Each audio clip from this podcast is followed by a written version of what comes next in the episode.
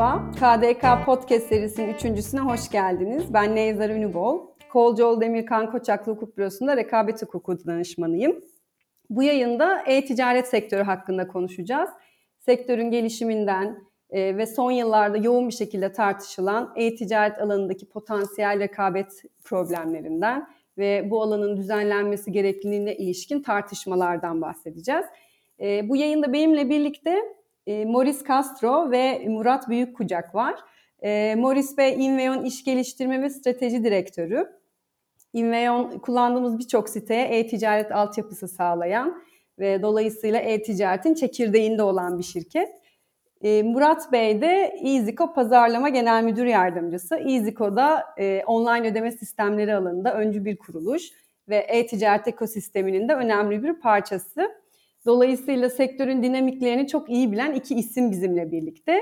Onların sektör içerisinden e, bu alana baktıklarında neler gördüğünü e, öğrenmek bizim için de oldukça kıymetli. E, öncelikle ben davetimizi kırmayıp katıldığınız için sizlere çok teşekkür etmek istiyorum. Hoş geldiniz. Merhabalar, hoş bulduk. Hoş bulduk, çok teşekkürler. E-ticaret sektörü e, tartışmasız büyük bir büyüme trendi içerisinde olan bir e, sektör ve toplam ticaret içindeki payı da giderek artıyor. Pandemi döneminde zaten örneği görülmemiş seviyede bir büyüme gösterdi. E, bu konuda hem TÜBİSAT'ın güzel yayınları var. Haziran 2021'de oldukça güncel bir rapor yayınladı, e-ticaret etki raporu. Hem de Rekabet Kurumu e, Nisan 2021'de bir e-pazar yerleri sektör raporu yayınladı. İkisinde de sektörün büyüme eğilimine ilişkin önemli veriler yer alıyor. Tabii e-ticareti bir ekosistem olarak düşünmemiz gerek. E, satıcılar, e-ticaret altyapısı, ödeme sistemleri, lojistik şirketleri gibi pek çok farklı sektör e-ticaretin ayrılmaz bir parçası ve bu büyümeden de nihayetinde pay alıyorlar. E, sektörün hem bu kadar hızlı büyümesi hem de çok fazla sayıda paydaşı etkiliyor olması e, son yıllarda düzenleyicilerin de dikkatini çekti. Bu alanda sadece Türkiye'ye özgü değil tüm dünyada e, ABD'de, Avrupa Birliği'nde, Çin'de, Japonya'da yoğun bir şekilde bu alandaki e, sorunlar, potansiyel sorunlar tartışılıyor. Ancak henüz neticelendirilebilen konular da değil. E, buradaki temel kaygı da e-ticaretin dijital platformların e, domine ettiği bir alan haline gelmesi ve bu platformların da e, bir takım rekabet sorunlarına yol açabilecek olması. E, bu e, tartışmalara çok girmeden önce ben size e, sektörden baktığınızda e-ticaretteki büyümeyi ve özellikle pandeminin etkilerini nasıl görüyorsunuz? Bunu sormak isterim. Morris Bey, öncelikle sizin görüşlerinizi alabiliriz bu konuda. Tabii ki. Ee, öncelikle davetiniz için çok teşekkürler. Ee, bence e, çok keyifli ve çok trending e, bir konu seçmişsiniz. E, biz de Inveon olarak e, yaklaşık 15 yıldır e, e-ticaret dünyasında ve e, perakende firmalarıyla e, dijital büyüme tarafında çok çalıştığımız için bu anlamda e, sektörü çok yakından e, inceleme ve takip etme şansımız oluyor. E, pandemiyle beraber de e, tabii ki e, çok yeni fırsatlar ve çok e, değişik farklı bir talep artışı yaşandı. E, bizim gördüğümüz kadarıyla birçok şirket buna çok hazır değildi. E, bunun tabii biraz altyapı yetersizlikleri, işte stratejilerin e, kendi işlerinde bu beklenmedik ivmeye ayak uyduramaması gibi problemler e, ön ayak olduğunu düşünüyorum. E, pandemiyle beraber özellikle e, evde kalma süreleri arttıkça ikinci ekran dediğimiz mobil telefonların, mobil telefonlarda geçirilen zaman arttı. E, online olarak geçirilen zaman arttı. Bu da tabii doğrudan e, internet tarafındaki e, alışverişlerin artışına e, hızlı bir şekilde neden oldu. Bazı sektörlerde, bazı kategorilerde e, yüzde 30, yüzde 40, yüzde 50 büyümeler görürken işte süpermarket, e, hijyen gibi kategorilerde ise neredeyse iki katı, üç katı, beş katına kadar e, büyümeler olduğunu gördük.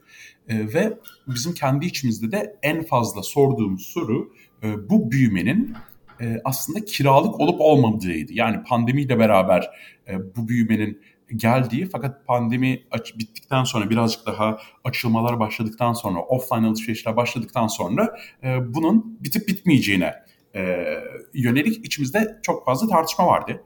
Fakat gördüğümüz kadarıyla daha önce hiç e-ticarete girmemiş bir kitle, e-ticaret alışkanlığı geliştirdiği için ve var olan tüketicilerin e-ticaret kullanım sıklığı ve kategori, kategori tercihleri yeniden şekillendiği için e, bu yükselişin aslında kısa süreli veya e, işte pandemi zamanı boyunca değil de daha uzun süreli ve kalıcı olduğunu gör, görmüş olma şansımız oldu. E, ve bu tüm bu değişen dinamiklerle beraber çevik altyapı ihtiyacı ve dijital dönüşüm planları birçok firmanın önceliğine oturdu. Biz de Inveon'da e, global operasyonlarımızla beraber yurt dışında deneyimlediğimiz birçok ilerlemeyi ve birçok uygulamayı hızla Türkiye'de de uygulamaya başladık. Özellikle e, omni-channel denilen kurgular, mağazaların stoklarının e, depo şeklinde kullanılıyor olması, kullanıcıya çok daha ulaşılabilir ve çok daha hızlı e, servis veriliyor olmasını e, birçok yurt dışında gördüğümüz, uyguladığımız örnekleri Türkiye'de de uygulama şansımız oldu. E, bu anlamda e-ticaret e, teknoloji ve uygulamalarının Türkiye'de de adaptasyonunu e, oldukça hızlandığını gördük. E, özellikle ileri derecede kişiselleştirilmiş deneyimler yaratmanın ve datanın gücünden yararlanmanın e, çok etkin olduğunu gördük. Ve e, özellikle bu aşamada da tüketici tarafında yaşanan talep artışını kaldıramayan altyapıların ya da dijital varlığa sahip olmayan şirketlerin dijital stratejiyi en öne koymayan e, birçok perakendicinin e, bunları fark ettiğini, bunun gerekliliğini fark ettiğini ve yatırımlarını bu doğrultuda şekillendirmeye başladığını gördük. Tabii bu ivme e, beraberinde e, farklı yerlerdeki, farklı kanallardaki rekabeti de e, yanında getirmiş oldu. Çok teşekkürler Morris Bey. Çok yönlü e, açıklamış oldunuz. Gerçekten bu süreçte pek çok insan, daha önce hiç e-ticareti deneyimlememiş olan pek çok insan e-ticareti e, denedi ve e, sanıyorum da memnun kaldı insanlar e-ticaretin getirdiği kolaylıklardan ki e, çok daha e, beklenenden geçmişe göre çok daha e, büyüyen bir sektör haline geldi. Bu arada bahsettiğiniz gibi bu özellikle Omnichannel kanal için e, stok yönetimine ilişkin gelişmeler de bence son dönemde tedarik e, zincirindeki aksamaları da dikkate alırsak çok önemli gelişmeler aslında. Bunları e, bu son geçirdiğimiz bir buçuk iki yılda hepimiz yaşadık ve deneyimledik aslında. Murat Bey siz bu konuda neler söylemek istersiniz e-ticaretin gelişimine ilişkin? Bir de size tabii ayrıca e, e-ticaret ekosisteminin önemli ayaklarından biri olan ödeme hizmetleri bakımından da bu soruyu yöneltmek istiyorum. E, biraz da bu yönden bakarsak sizce e-ticaretin dönüşümünde fintech kuruluşlarının nasıl bir rolü oldu? e, ve geleceğine ilişkin ödeme sistemlerinin nasıl öngörüleriniz var? Bunları e, hep birlikte bir toplu soru olarak size sormuş olayım. Elbette. Çok teşekkür ederim tekrar hem davet için hem soru için Neyza Hanım. Ee, önce isterseniz e-ticaretle başlayalım. Özellikle pandemi sonrası gelişmelerle bence Morris harika bir çerçeve çizdi. Ee, hem birçok katmandan hem de birçok açıdan yaklaştı. Ben de onun söylediklerini e, biraz rakamlarla destekleyeyim ve oradan da biraz fintech e, sektörüne olan etkisini daha doğrusu fintech sektörünün e-ticarete olan etkisinden bahsedeyim müsaade ederseniz. E, şimdi öncelikle pandemiyle beraber e-ticaretin artması hem Türkiye'de hem de globalde çok ciddi anlamda hissedildi biliyoruz, yaşıyoruz. E, biraz rakamlardan örnek vereyim e, istedim ben bugün. 2019'da e, yaklaşık küresel e-ticaret hacmine baktığınızda 3.4 trilyon dolar civarı bir rakamdan bahsediyoruz. Bu 2020 yılında yani pandeminin başlamasıyla beraber globalde %26 büyümeyle 4.3 trilyon dolara ulaşıyor. 2021'de de tahminimiz %14 daha üstüne pandeminin etkisinin devamıyla beraber çıkarak 4.9 trilyon dolara gelmesi demek. Bu da yaklaşık 2 yılda %40-45 civarında bir artış demek toplam e, e-ticaret hacminde. Ki burası nispeten olgun pazarları da içeren rakamlar. Biz bunun Türkiye'deki e, yansımasına baktığımızda 2019'dan 2020'ye e-ticaret hacminin %64 arttığını görüyoruz Türkiye'de. E, bu bağlamda da yine gayri safi e, hasılaya olan oranın e-ticarette %4,5'a ulaştığını görüyoruz. Nedir bu rakamlar? Niye söylüyorsun bu rakamları dediğinizde şunu söyleyebilirim. Artık yavaş yavaş Türkiye'de e-ticaret noktasında pandeminin getirdiği hızlanmayla beraber olgun pazarların içine de girmeye başladı diyebiliriz.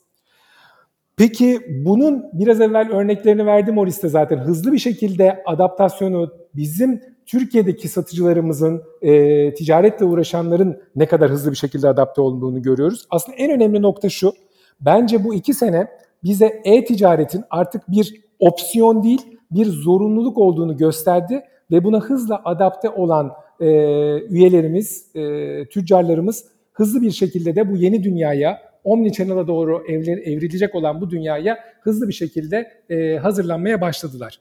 Bizim pandemi başından sonuna kadar diyelim ya da bu senenin ortasına kadar diyelim kurumsal iş yeri başvurusunda %75 artış gördük Nezar Hanım. Yani herkes gidişatın farkında e, ve bu treni kaçırmamak noktasında da ellerinden geleni yapıyorlar.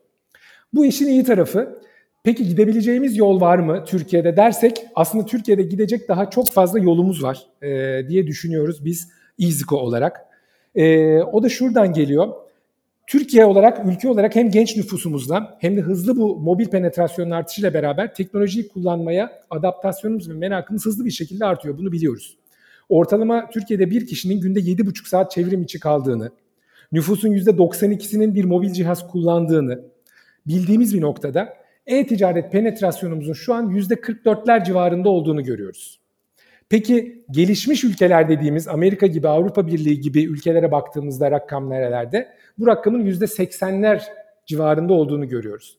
Yani bizim çok sevdiğimiz bir e, tabir var burada. Aslında biz Şampiyonlar Ligi'ne girmek için e, elimizden geleni yapıyoruz. Bu ligin en iyilerinden biriyiz ama şimdi artık Türkiye'nin hak ettiği yer olan Şampiyonlar Ligi'ne girme konusunda da e-ticaret noktasında yatırıma, e, desteğe devam etmemiz gerekiyor. Gelelim bunun fintech tarafına. Elbette ki e-ticaret piyasası, e-ticaret sektörü e, bu kadar büyümeye e, giderken pandemiyle beraber o pandeminin yanında müşteri deneyimi de, müşteri deneyiminin de kolaylaşmasının, hızlanmasının, e, rahatlamasının da e-ticaretin büyümesinde en büyük etkenlerden biri olduğunu e, düşünüyoruz. Finansal teknolojiler de bu deneyimin en önemli parçalarından biri olan ödeme deneyiminin kalbinde diyebiliriz. Ee, biz şunu biliyoruz aslında elimizdeki datalardan da. Ödeme süreci zorlaştıkça sektörüne ve şirketine bağlı olarak %30'a kadar müşteri kaybı yaşanabiliyor e-ticarette. Yani kötü bir ödeme deneyimi 100 tane müşterinizden 30'unun daha satın almayı gerçekleştirmeden sizi bırakıp gitmesine sebep olabiliyor. Bu bağlamda rahatlık, hız, güven, kolaylık sağlayan bir ödeme deneyimi yaşatmak aslında bütün e, ticaret, e-ticaretle uğraşan bütün katılımcıların e, önceliği olmak durumunda gibi gözüküyor. Biz neyi yapıyoruz? Aslında biz iki tane fintech olarak iki tane çok e, katkımız olduğunu düşünüyorum e-ticaret tarafına. Bir tanesi şu, bu kolaylık, rahatlık ve hızla beraber aslında artık tüketiciler e, çok kolay ödeme deneyimleri yaşamak istiyorlar. Nedir bunlar? Tek tıkla ödeme, mobil ödeme, dokunmadan ödeme, QR ödeme gibi gibi gibi. Bu inovatif çözümler e, yaklaştıkça, yeniledik, yenilendikçe ve hayatımıza girdikçe e, müşterilerin rahat alışveriş yapma ve e-ticarete güvenle kullanma e, oranının da arttığını görüyoruz. Bir ikinci nokta e, artık bu pozitif ivmeye bu ödeme sistemleri sayesinde e, ticaretle uğraşanların sadece yerel pazarlara değil, yerel pazarların sınırları dışına çıkarak yepyeni fırsatlarla karşılaşmasını sağlayan, e, bir sınırların ötesine geçmesini sağlayan da bir e, setup konusunda destek olduğunu düşünüyorum ben fintech e, sektörünün e-ticaret noktasında. Üçüncü ve bence en önemli nokta da şu, Türkiye gibi gelişmekte olan bir ülkede bankasızlar olarak adlandırabileceğimiz bir grubun finans sistemi içerisinde yer almasının e-ticaret pazarının gelişimi için en büyük itici güçlerden biri olduğunu düşünüyoruz. Biz de İZİK olarak 2013 yılında kurulduğumuzda aslında en büyük amacımız buydu. E, diyorduk ki finansal hizmetleri demokratikleştirmek ve herkes için ulaşılabilir kılmak. Bunu hem tüketiciler hem de aslında satıcılar için söylüyorduk. Bu bağlamda da Türkiye'de baktığınızda yaklaşık %42'lik bir rakamın, %42'lik gibi bir rakamın henüz bir banka hesabı bulunmadığını görüyoruz. Hatta bunu kadınlara e, kırdığımızda, kadın ve erkek olarak kırdığımızda kadınlarda bu rakamın %52'lere, 53'lere kadar çıktığını görüyoruz. Dolayısıyla biz de EasyCo olarak yerine getirdiğimiz bütün ürünlerimizde ki en önemli bunun için kullandığımız ürünümüz EasyCo ile öde. E, bu dijital cüzdanımız. EasyCo ile öde ile birlikte bu hizmetimiz içerisindeki İZUKO bakiye ile ödeme seçeneğiyle birlikte banka hesabı olmayan milyonlarca kullanıcıya da internette alışveriş yapabilme imkanı tanıyoruz. Yani dolayısıyla e-ticaretin e, gelişiminde şimdi atmamız gereken en önemli adımlardan biri bu bankasızlar olarak e, nitelendirdiğimiz kitleyi de e-ticaret kullanabilir ve e-ticaretten alışveriş yapabilir hale getirmek olduğunu düşünüyoruz. Ve fintech e, sektörünün en önemli yatırımlarının burada olduğunu zaten görüyoruz şu an. Teşekkürler Murat Bey. Fintech sektörünün e-ticaretin olmazsa olmazı olduğunu çok net bir şekilde ortaya koymuş olduğunuz verilerle. Siz bir önceki soruya cevap e, verirken finansal hizmetleri demokratikleştirdiğinizi e, söylemiştiniz. Hani çıkış yola çıkış e, mottosu olarak. Aslında bu hizmetlerin demokratikleşmesi fikri rekabet hukuku bakımından açısından baktığımızda da çok anlamlı. Çünkü rekabet hukuku da aslında temelinde tüketicilerin daha fazla seçeneğe ulaşabilmesini, e, güçlü olan tek bir firmanın domine etmesini değil pazarların alternatiflerin olabilmesini sağlamayı hedefliyor. Hatta e, siz bunu söylediğinizde de benim aklıma e, yakın zamanda ABD'de Epic Games ve Apple davası geldi. Orada da Epic Games Apple'ı dava etmişti. Apple Pay haricinde farklı ödeme yöntemlerinin kullanılmasına izin vermediği ve Apple Pay'in de %30 gibi yüksek komisyon e, aldığı gerekçesiyle e, ve mahkemede Apple'ın bu uygulamasını sorunlu buldu. E, dolayısıyla gerçekten e-ticaret ekosisteminin her parçasının aslında bir rekabet hukuku boyutu da var ve çok e, yönlü bakmak gerekiyor dolayısıyla bu pazara. Biraz da e-ticaret platformları e, tarafından ya da bir başka deyişle e-pazar yerleri tarafından e, bakalım e, e-ticarete istiyorum. E-ticaret sektörünün büyümesindeki çok önemli bir faktör e-pazar yerleri. E, Rekabet Kurumu da bu platformları mercek altına aldı ve bir e, sektör raporu yayınladı e, bu yıl içerisinde. E, ve bu raporda yer alan bir veriye göre tüketicilerin %50'si bir ürünü araştırmaya e-pazar yerlerinde başlıyor ve %70'i de alışverişini e-pazar yerlerinde tamamlıyor. Böyle bir tespitte bulundu Rekabet Kurumu. Bu oldukça yüksek bir oran ve e-pazar yerlerinde önemini gösteren bir e, veri. Ama burada tabii ki tek bir e-pazar yerinden bahsetmiyoruz. Türkiye'de aktif olarak faaliyet gösteren pek çok e, e-pazar yeri platformu var. Ve bu platformlar pek çok satıcıyı bir araya getiriyor, ürün çeşitliliği sağlıyor. Dolayısıyla tüketiciler bakımından pek çok e, yarattıkları fayda var. Ama bir yandan da bu platformların e-ticaretin önemli bir e, kısmını, önemli bir hacmini kontrol eder hale gelmesi e, ve pek çok tüketici ve satıcının verisine sahip olması rekabet hukuku bakımından da bazı endişeler oluşturuyor. Dünyadaki rekabet otoritelerinin e, bu konuda çalışmalarından gördüğümüz kadarıyla. Örneğin Avrupa Birliği'nde e, Amazon'un konumunu örnek verebiliriz belki. Satıcıların e-ticaret tüketicilerine ulaşabilmesi için Amazon'un vazgeçilmez bir ticaret ortağı olarak e, görüldüğünü anlıyoruz ve Amazon ölçeğinde bir başka e-pazar yerinin olmadığı veya ortaya çıkmasında mümkün olmadığı değerlendirilebiliyor. Hatta e, Avrupa Birliği'nde geçit bekçisi diye bir kavram geliştirildi bu konumu tasvir etmek için. Türkiye'ye baktığımızda da e-pazar yerlerinin yeri büyük toplam ticaret hacminde. Ancak henüz tüketici talebinin tek bir pazar yerine odaklanması noktasından uzak görünüyor. Pek çok farklı alternatif var. Nitekim Rekabet Kurumu'nun sektör raporunda da bu durumu teyit eden e, tespitlerde bulunuyor. Siz e-pazar yerinin sektörün gelişimindeki rolünü nasıl değerlendirirsiniz? Morris Bey, öncelikle size sormak isterim bunu. Sizce Türkiye'de e-pazar yerlerinin konumu Avrupa Birliği pazarına kıyasla ne aşamada? Rekabet Kurumu'nun bunun henüz gelişimin erken evresinde olduğu gibi bir tespiti var. Siz de bu tespite katılır mısınız? Sizin görüşünüzü almak isterim. Şöyle yani elbette bence pazar yerlerinin genel genel ekosistemin büyüsüne katkısı e, yatsınamaz bir gerçek. E, fakat e, özellikle markalar için pozitif e, katkısının olduğu yerde e, negatif etkisinin olabileceğini de görüyoruz. E, biz Inveon olarak markalarımızın hem pazar yeri entegrasyon operasyonlarını gerçekleştiriyoruz hem de A'dan Z'ye dijital ticaret varlıklarını oluşturuyoruz. Ondan dolayı e, iki durumu da detaylı değerlendirme fırsatımız oluyor. E, burada bence özellikle pazar yerlerinin, bu e-pazar yerlerinin e, farklı segmentteki satıcılara e, farklı bir e, katkısı olduğunu görebiliyoruz. Özellikle COBİ'lerin e-ticarete girişi konusunda ihtiyaç duydukları farklı bileşenleri tek çatı altında ve daha düşük maliyet ile sundukları ve bunu yaparken de geniş bir coğrafyaya ve tüketici kitlesine ulaşmalarını sağladıklarını görüyoruz. Bu da tabii daha fazla kişinin e-ticarete atılmasının önünü açıyor. Ancak e, COBİ'ler için yarattıkları bu fayda daha orta ve büyük ölçekli şirketler için markalaşma problemi oluşturduğunu hatta ve hatta e, kendi marka varlığını güçlü tutma problemi gibi konuları da beraberinde getirdiğini görebiliyoruz.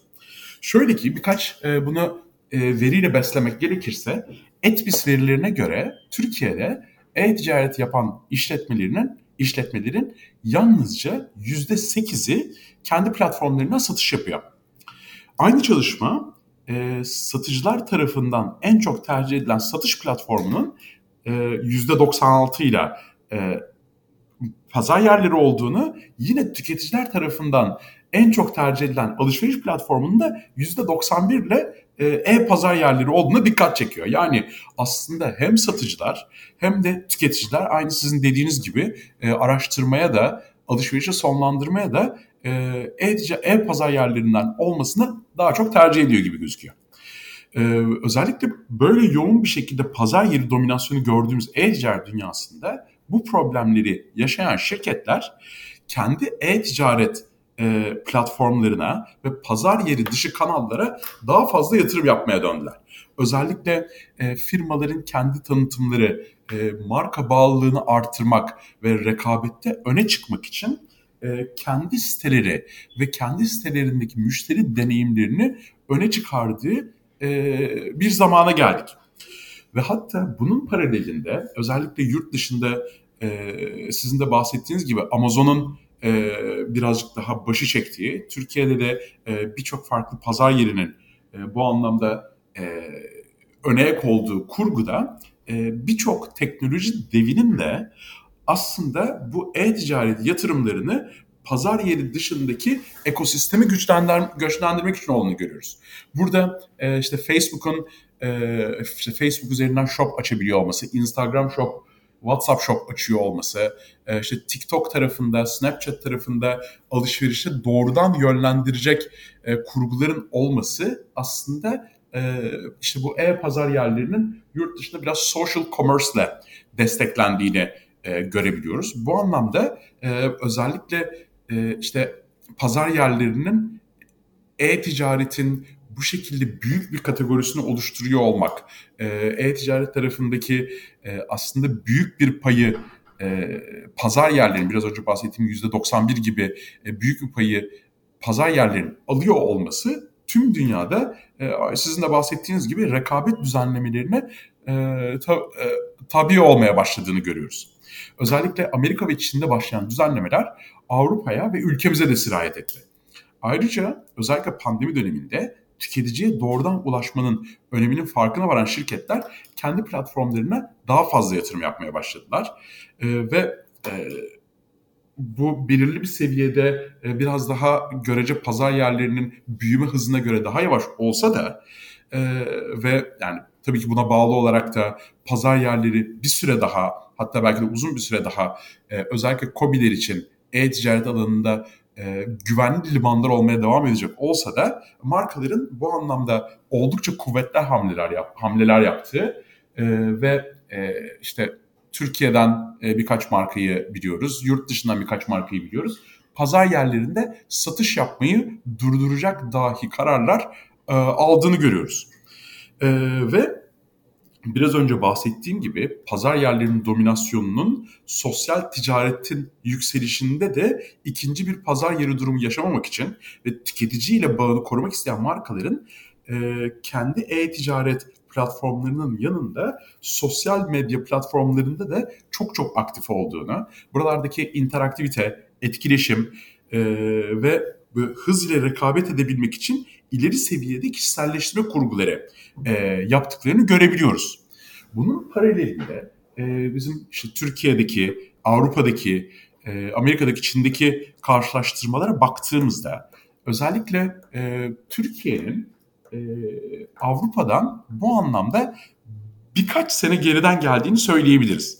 Şöyle hatta birkaç tane örnek vermek gerekirse e, Türkiye'de e, işte OECD'nin yaptığı bir çalışmaya göre Türkiye'de internet üzerinden sipariş alan perakende işletmelerin oranı e, yaklaşık yüzde 14.4 iken e, Avrupa'da bu oran yüzde 29.1 ve aynı şekilde e, çevrim içi alışveriş özelliğine sahip internet sitesi olan perakende işletmelerin oranına baktığımızda bu oran Avrupa'da %36 iken Türkiye'de ise sadece %10'larda. Yani e, şöyle ki yani e-ticaretin, e, e-ticaretin dijital olgunluğu gelişmiş ülkelerde e-ticaret yapan işletmelerin kendi platformlarını kullanabilme oranının oldukça yüksek olduğunu gözlemledik. Ee, Türkiye'de e, biraz önce bahsettiğim rakamlarla beraber e, kendi web sitesi ve uygulaması aracılığıyla satış yapan işletme sayısı AB'ye kıyasla, Avrupa Birliği'ne kıyasla e, oldukça az ve bu anlamda da bizim her ne kadar pandemiyle beraber biraz daha hızlanmış olsa da birazcık daha hızlı bir büyüme göstermiş olsa da Avrupa'nın ve Amerika'nın çok çok daha gerisinde olduğunu görüyoruz. Ve e, şöyle birkaç tane hani veri vermek e, gerekirse 2019 yılında e-ticaret yapan işletmelerin %24'ü kendi platformlarında satış yapabilmekteyken 2020 yılında e-ticaret yapan işletmelerin hızlı artışı sebebiyle bu işletmelerin sadece %8'i kendi kanallarından satış yapabilmiştir. Yani pazar yerlerini çok daha fazla tercih etmişlerdir. Fakat e, tabii birazcık daha özellikle ülkenin genç nüfusuna baktığımızda e, dijital adaptasyon kabiliyetinin yüksek olduğunu düşündüğümüzde e, buradaki değişiklikler e, hızlı bir şekilde e, e-ticarette özellikle ikinci, üçüncü nesilin e, birazcık daha iş hayatına girmesiyle beraber online satışların e, önümüzdeki dönemde daha hızlı bir şekilde artacağını e, ve daha yüksek bir ivmeyle e, buradaki oranların e, artacağını e, aslında öngöre, öngörebiliriz bir yandan da. Morris Bey tespitleriniz gerçekten önemli. Zira markalaşma problemi aslında firmaların bir anlamda e-pazar yeri karşısında pazarlık gücünün de düşmesi yeterli pazarlık gücüne ulaşamaması anlamına da gelebilir. Diğer taraftan belirttiğiniz gibi e-pazar yerleriyle çalışmayı e, çalışmayacak ve sadece kendi internet sitesi üzerinden satış yapmayı e, tercih edebilecek kadar markalaşmış ve marka gücü yüksek firmalar da var. Dolayısıyla pazar yerleri pek çok farklı türde satıcıya hitap edebiliyor. Birçok e-pazar yerleri birçok farklı satıcı türüne hitap edebiliyor ve bu e, satıcı türleri için büyük ölçekli satıcılar ya da küçük ölçekli satıcılar gibi düşünebiliriz. E, farklı e, kurallar uygulaması, farklı e, içerikler uygulaması da mümkün olabiliyor. Murat Bey siz bu konuda e-ticaret e, sektörü içerisinde e-pazar yerlerinin e, durumu konusunda e, ne düşünürsünüz? E, ayrıca size şunu da sormak istiyorum aslında. E, e-ticaretin büyümesine bir katkı sağladığını düşünüyorum ben e-pazar yerlerinin. Zira birçok KOBİ'nin ilk defa e-ticaretle e, tanışmasına e, sebep oluyor. Diğer yandan da tüketicilerin de ilk defa e-ticarete yönelmelerine, e-ticareti deneyimlemelerini sağlıyorlar ve aslında bence toplam pazarın büyümesine destek oluyorlar bu aşamada. E, siz bu konuda ne söylemek istersiniz? Sizin görüşlerinizi de alalım lütfen. Kesinlikle doğru bir noktaya e, temas ettiniz Neyzer Hanım. E, e-ticaretin yakaladığı bu hızlı ivmenin arkasında hem alıcılar için hem satıcılar için pazar yerlerinin e, ilk soruda da bahsettiğim gibi en doğru deneyimi en kolay şekilde, en hızlı şekilde, en alternatifli şekilde sunmalarının çok ciddi bir payı var. E, fakat her konuda olduğu gibi bence burada da önemli olan nokta dengeli ve sürdürülebilir bir büyümeye bizim katkı sağlıyor olmamız. Ee, biraz evvel siz de bahsettiniz. Ben tekrar altını çizeceğim müsaadenizle. Ben önemli olduğunu düşünüyorum çünkü. Dedik mi ya İzik olarak biz 2013 yılında hayata e, başlarken ilk adımımızı atarken finansal hizmetleri demokratikleştirmek ve herkes için ulaşılabilir kılmak mottosuyla yola çıktık. Bunu sadece tüketiciler için değil, satıcılar için de öncelikle değerlendirdiğimizi altını çizmek isterim. Şimdi bugün e, Türkiye'de e-ticaret deyince aslında salt tüketim ve alışveriş üzerinden konuşuyoruz. Ama sadece tüketim ve alışveriş anlamında da gelmiyor e-ticaret. Özellikle biraz evvel sizin de e, değindiğiniz gibi Türkiye'de mikro ve küçük işletmelerin, esnafların ticaret hayatına katılmalarında, büyümelerinde, daha fazla hacim yaratmalarında çok önemli bir araç e-ticaret. Ekonomimize böyle bir katkısı var ama bunun yanı sıra özellikle istihdamdan da istihdamda da çok önemli bir avantaj sağlayacağı da aşikar. Tüketici tarafında ise özellikle hep altını çiziyorum güven duygusunu tesis ederken, işlemlerin hızlı, sorunsuz olmasını sağlarken bence çok önemli bir e, rol üstleniyor. Fakat biz İZİK olarak hep şunu söyledik. Biz İZİKO'yu büyütmek istiyoruz ama büyütürken e-ticaret sektörünü de büyütmek istiyoruz. Ne demek e-ticaret e, sektörünü de büyütmek? O da şu, biz bu pazarın herkes için verimli olabilmesinin büyük markalar kadar biraz evvel Morris'in de altını çizdiği gibi küçük ve ortak ölçekli işletmeler için de fırsat eşitliğinin sağlanması gerektiğine inanıyoruz. Yani rekabetin daha eşit koşullarda sürebilmesi, adil alışveriş ve tüketicilerin seçim hakkına saygı, pazarın tekelleşmemesi, bütün bunlar COBİ'leri destekleyen çözümler geliştirmek için bize hep e, inanç verdi, destek sağladı. Biz de bugün bu bağlamda büyük markalarımıza da sunduğumuz birçok inovatif çözümümüzü aslında işte Dynamic 3DS olsun, fraud önleyici, yapay zeka tabanlı ödeme teknolojileri olsun ücretsiz olarak tüm COBİ'lerimize sunmaktayız. Bu sayede bugün sahip olduğumuz yaklaşık 70 binin üzerinden fazla üye işyerimiz, onlara da bağlı olan yaklaşık 900 binden fazla alt üye işyerimize hep güvenli ve kolay ödeme sağlayarak, fırsatı sağlayarak onların da bu pazarda oyunda kalmalarını sağlamaya çalışıyoruz. Rekabetin daha eşit koşullarda sürebilmesi için mutlaka COBİ'lerin desteklenmesi gerektiğine inanıyoruz. Biz bir ödeme kuruluşuyuz, bir fintech kuruluşuyuz ve burada e, üzerimize düşeni yapmak durumunda hissediyoruz kendimi ve bunu sonuna kadar da yapmak istiyoruz açıkçası oyunda kalmak dediğiniz o gerçekten çok önemli. Ee, e-pazar yerlerinin evet önemi yatsınamaz. Sektörün bir anlamda itici gücü. Pek çok COBİ'nin e-ticarete katılımının önünü açıyor ve kolaylaştırıyor. Tüketiciler için de e, kolaylıklar sağlıyor alışverişlerde. E, dolayısıyla bir yandan e, çok önemli ve faydalı bir e, sektör. Bir yandan da e, eşit ve adil rekabet koşullarının olabilmesi de önemli. Rekabet Kurumu da bu alanda pek çok adım atıyor. Özellikle e-ticaret kanalında faaliyet gösteren bazı şirketlerle ilgili incelemeler yürütüyor. E, hatta çok yakın zamanda bir e, soruşturma başlattığını da duyurdu ve bir geçici tedbir kararı uyguladı. E, ayrıca Rekabet Kurumu e, rekabet hukuku kurallarının bu sektörde yeterli olmayabileceğini, e-ticaret platformlarının bazı davranışlarının regülasyona tabi olmasını e, olması gerektiğini belirten bir ön rapor da yayınladı. Ve burada da devam eden bir mevzuat çalışması var. Elbette bu platformlara ilişkin tespit edilen somut rekabet sorunları bulunması halinde bu sorunların dengeli, orantılı ve etkili bir şekilde çözümü e, tüm paydaşların yararına olacaktır. Çünkü sektörle birlikte tüm paydaşlar da daha sağlıklı bir e, büyüme sağlayacaktır. Tabii regülasyondan maksimum fayda sağlanabilmesi için de bu sorunların somutlaştırılması, e, ilgili düzenleme önerilerinin etki analizinin yapılması e, ve e, somut olarak düzenleme ihtiyaçlarının belirlenmesi gerekir. Ben rekabet kurumu kökenli biri olarak şunu çok iyi anlayabiliyorum ki bir piyasada kemikleşmiş yapısal bir sorun varsa o sektörde ne şikayetler biter ne de soruşturmalar biter. Dolayısıyla yapısal bir sorunu çözmenin en doğru yolu da aslında belki de düzenleme yapmaktır. Ama buradaki yapısal sorunu net bir şekilde tabii ki ortaya koyabilmek çok önemli. Ee, burada düzenleyiciler için de büyük zorluklar var. Ee, bunlardan biri de sektörün dinamikliği. Regülasyonlar çok çabuk eskiyebilir bu sektörde ve çok çabuk atıl kalabilir. Dolayısıyla e, düzenleyiciler için aslında içinden çıkılması oldukça zor bir alan. Bu nedenle de yıllardır e, pek çok ülkede, gelişmiş ülkelerde ta, e, devam eden tartışmalar henüz neticelendirilmiş ve somut bir e, düzenleme oluşturulmuş değil.